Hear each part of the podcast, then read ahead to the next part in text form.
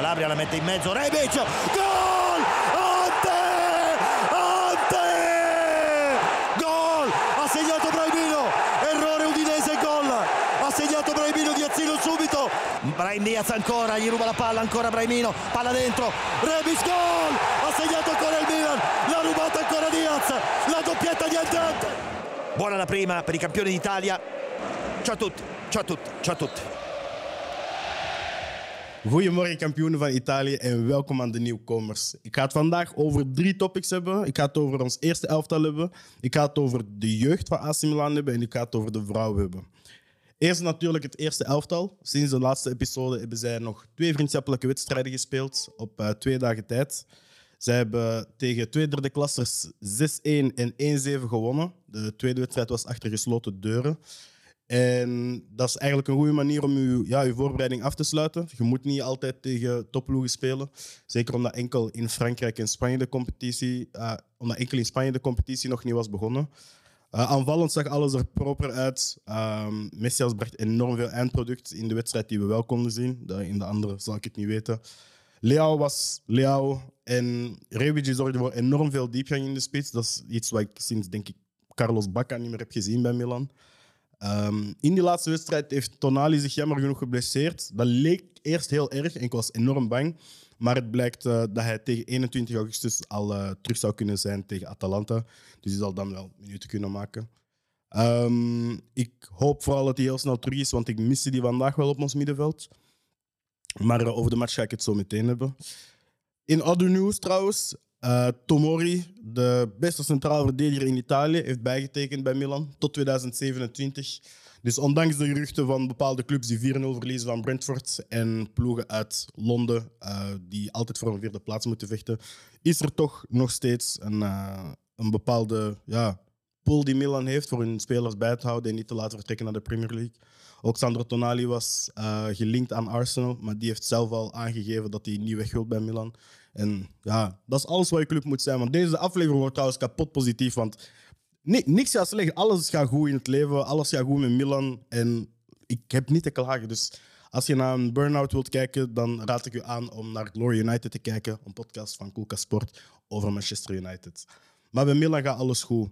We hebben vandaag, of gisteren eigenlijk als dit uitkomt, 4-2 gewonnen van uh, Udinese sorry, in de openingsspeeldag van de Serie A.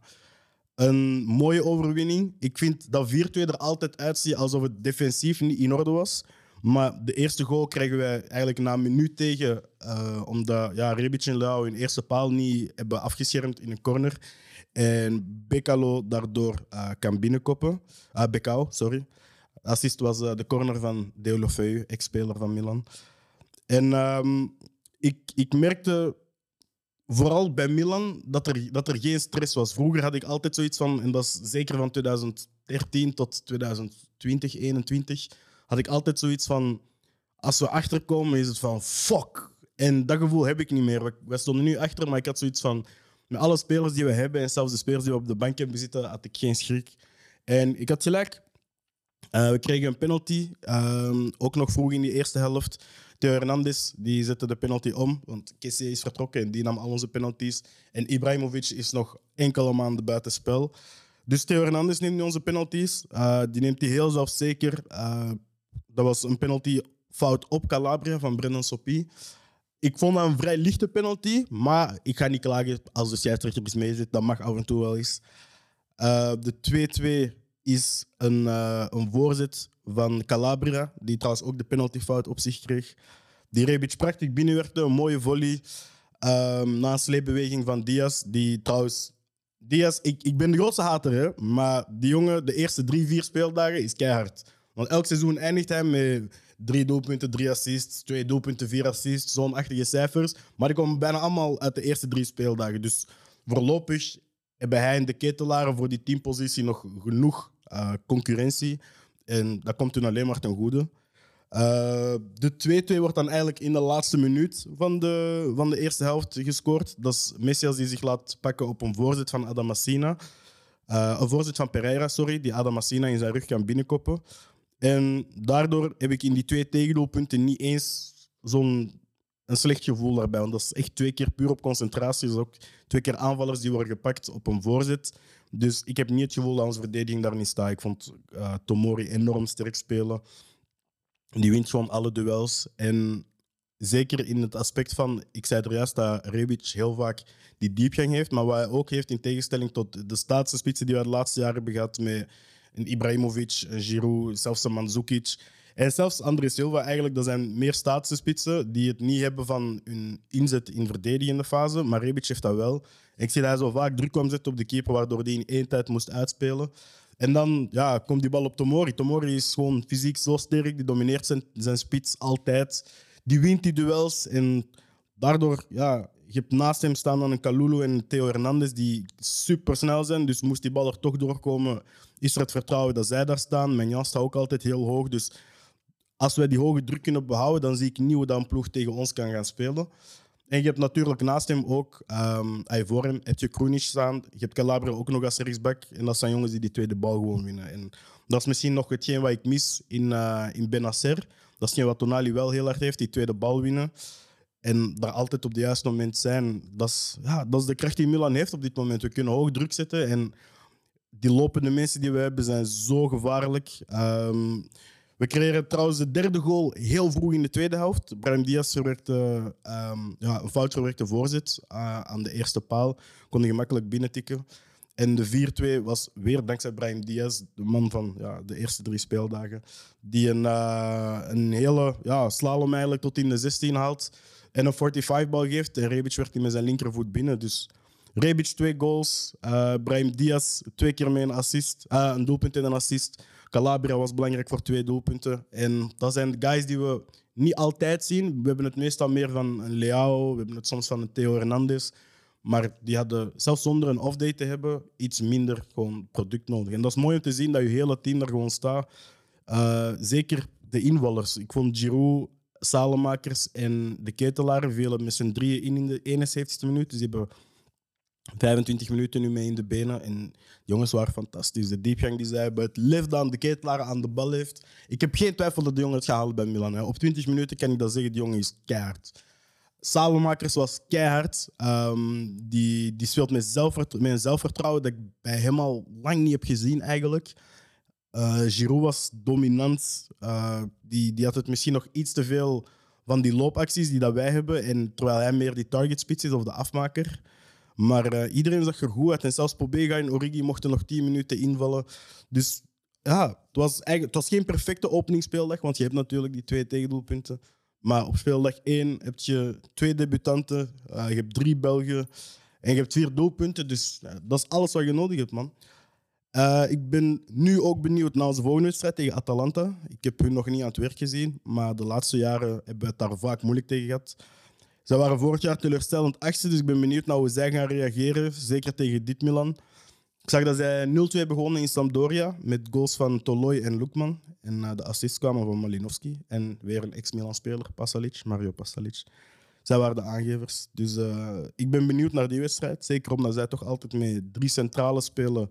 En met wingbacks heel breed. Uh, Malen en Hatenboer. Malen kennen we nog van bij Racing Genk. Natenboer, die, ja, die, die is al jaren eigenlijk in, in Atalanta. Ah, jaren, die is de laatste twee jaar toch een vaste waarde op die rechtsbuiten. Ik uh, ben benieuwd wat zij dat gaan doen, want dat was het enige wat ik wel merkte. In onze hoge druk had ik met momenten de schrik van... Toen die flankwissel gebeurde, kreeg Udinese ineens heel veel ruimte. En dat zijn ruimtes die je niet aan een Atalanta mocht geven, want dan kan een Malinowski vrij gaan lopen. Uh, je hebt die twee spitsen daar die, heel, die goed diep kunnen lopen. En ja, je hebt met Malen en Hatenboer gewoon twee kilometer verder ook op die flanken. Dus ik ben benieuwd. Zeker dat wij een offensief aspect gaan doen. Ik ben benieuwd of dat Theo en Leao met twee eigenlijk tegen één man gaan komen op de ene kant.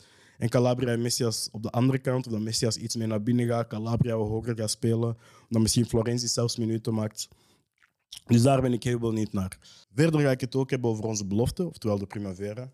Ignacio Abate wordt daar de nieuwe hoofdcoach. De mensen die Milan hebben gevolgd in het Bentre-era zullen hem ongetwijfeld kennen. Hij was van 2009 tot 2019 de rechtsback bij Milan. Um, hij zal de nieuwe coach aan de belofte worden. Vorig jaar had hij de U16, waarmee hij een uh, finale playoff behaalde. Hij heeft die op het laatste moment verloren van AS Roma. staat bekend als een moderne coach. En eh, het is mooi om te zien dat al die oudspelers binnen Milan wel een rol krijgen. Bonera is een van de assistenten. Um, Abbiati is een van de teammanagers. Um, Maldini, ja, wat moeten we daar nog over zeggen? Die dat was tot vorig jaar een van de goalkeepercoaches. Dus het is mooi om te zien dat al die mensen toch ja, hun rol krijgen binnen die dynastie die Milan toch wel is. Uh, de belofte hebben ook een nieuwe bondscoach, nieuwe coach gewoon nodig. Want de vorige is ontslagen geweest omdat hij het zo slecht deden. Ze hebben tot op de laatste speeldag zelfs moeten spelen om niet in een degradatieplayoff terecht te komen. En we moeten daar eerlijk over zijn, dat is Milan onwaardig. Um, er zijn al veel top, topspelers uit die opleiding gekomen naar Italiaanse waarden, naar Italiaanse normen. Sorry. Donnarumma als keeper is het beste voorbeeld, maar ook De Sciglio, Calabria, Cutrone, Petagna, Gabbia en zelfs Pobega. Dus zelfs jongens die bij ons nog spelen en op de bank zitten, komen toch uit die opleiding. En het is, uh, het is uitkijken of daar terug een volgende jongen kan uit opstaan die misschien in de komende ja, maanden, jaren uitleenbeurten kan krijgen en naam kan maken in de Serie A. Er zijn ook een paar nieuwe jongens bij die belofte. En de meest opvallende namen daarvan zijn Leonardo D'Alessio, een centrale verdediger van Roma. Hugo Cuenca, een Paraguayaanse middenvelder. En Tommaso Mancini, die onlangs nog met Vincenza tegen Milan speelde.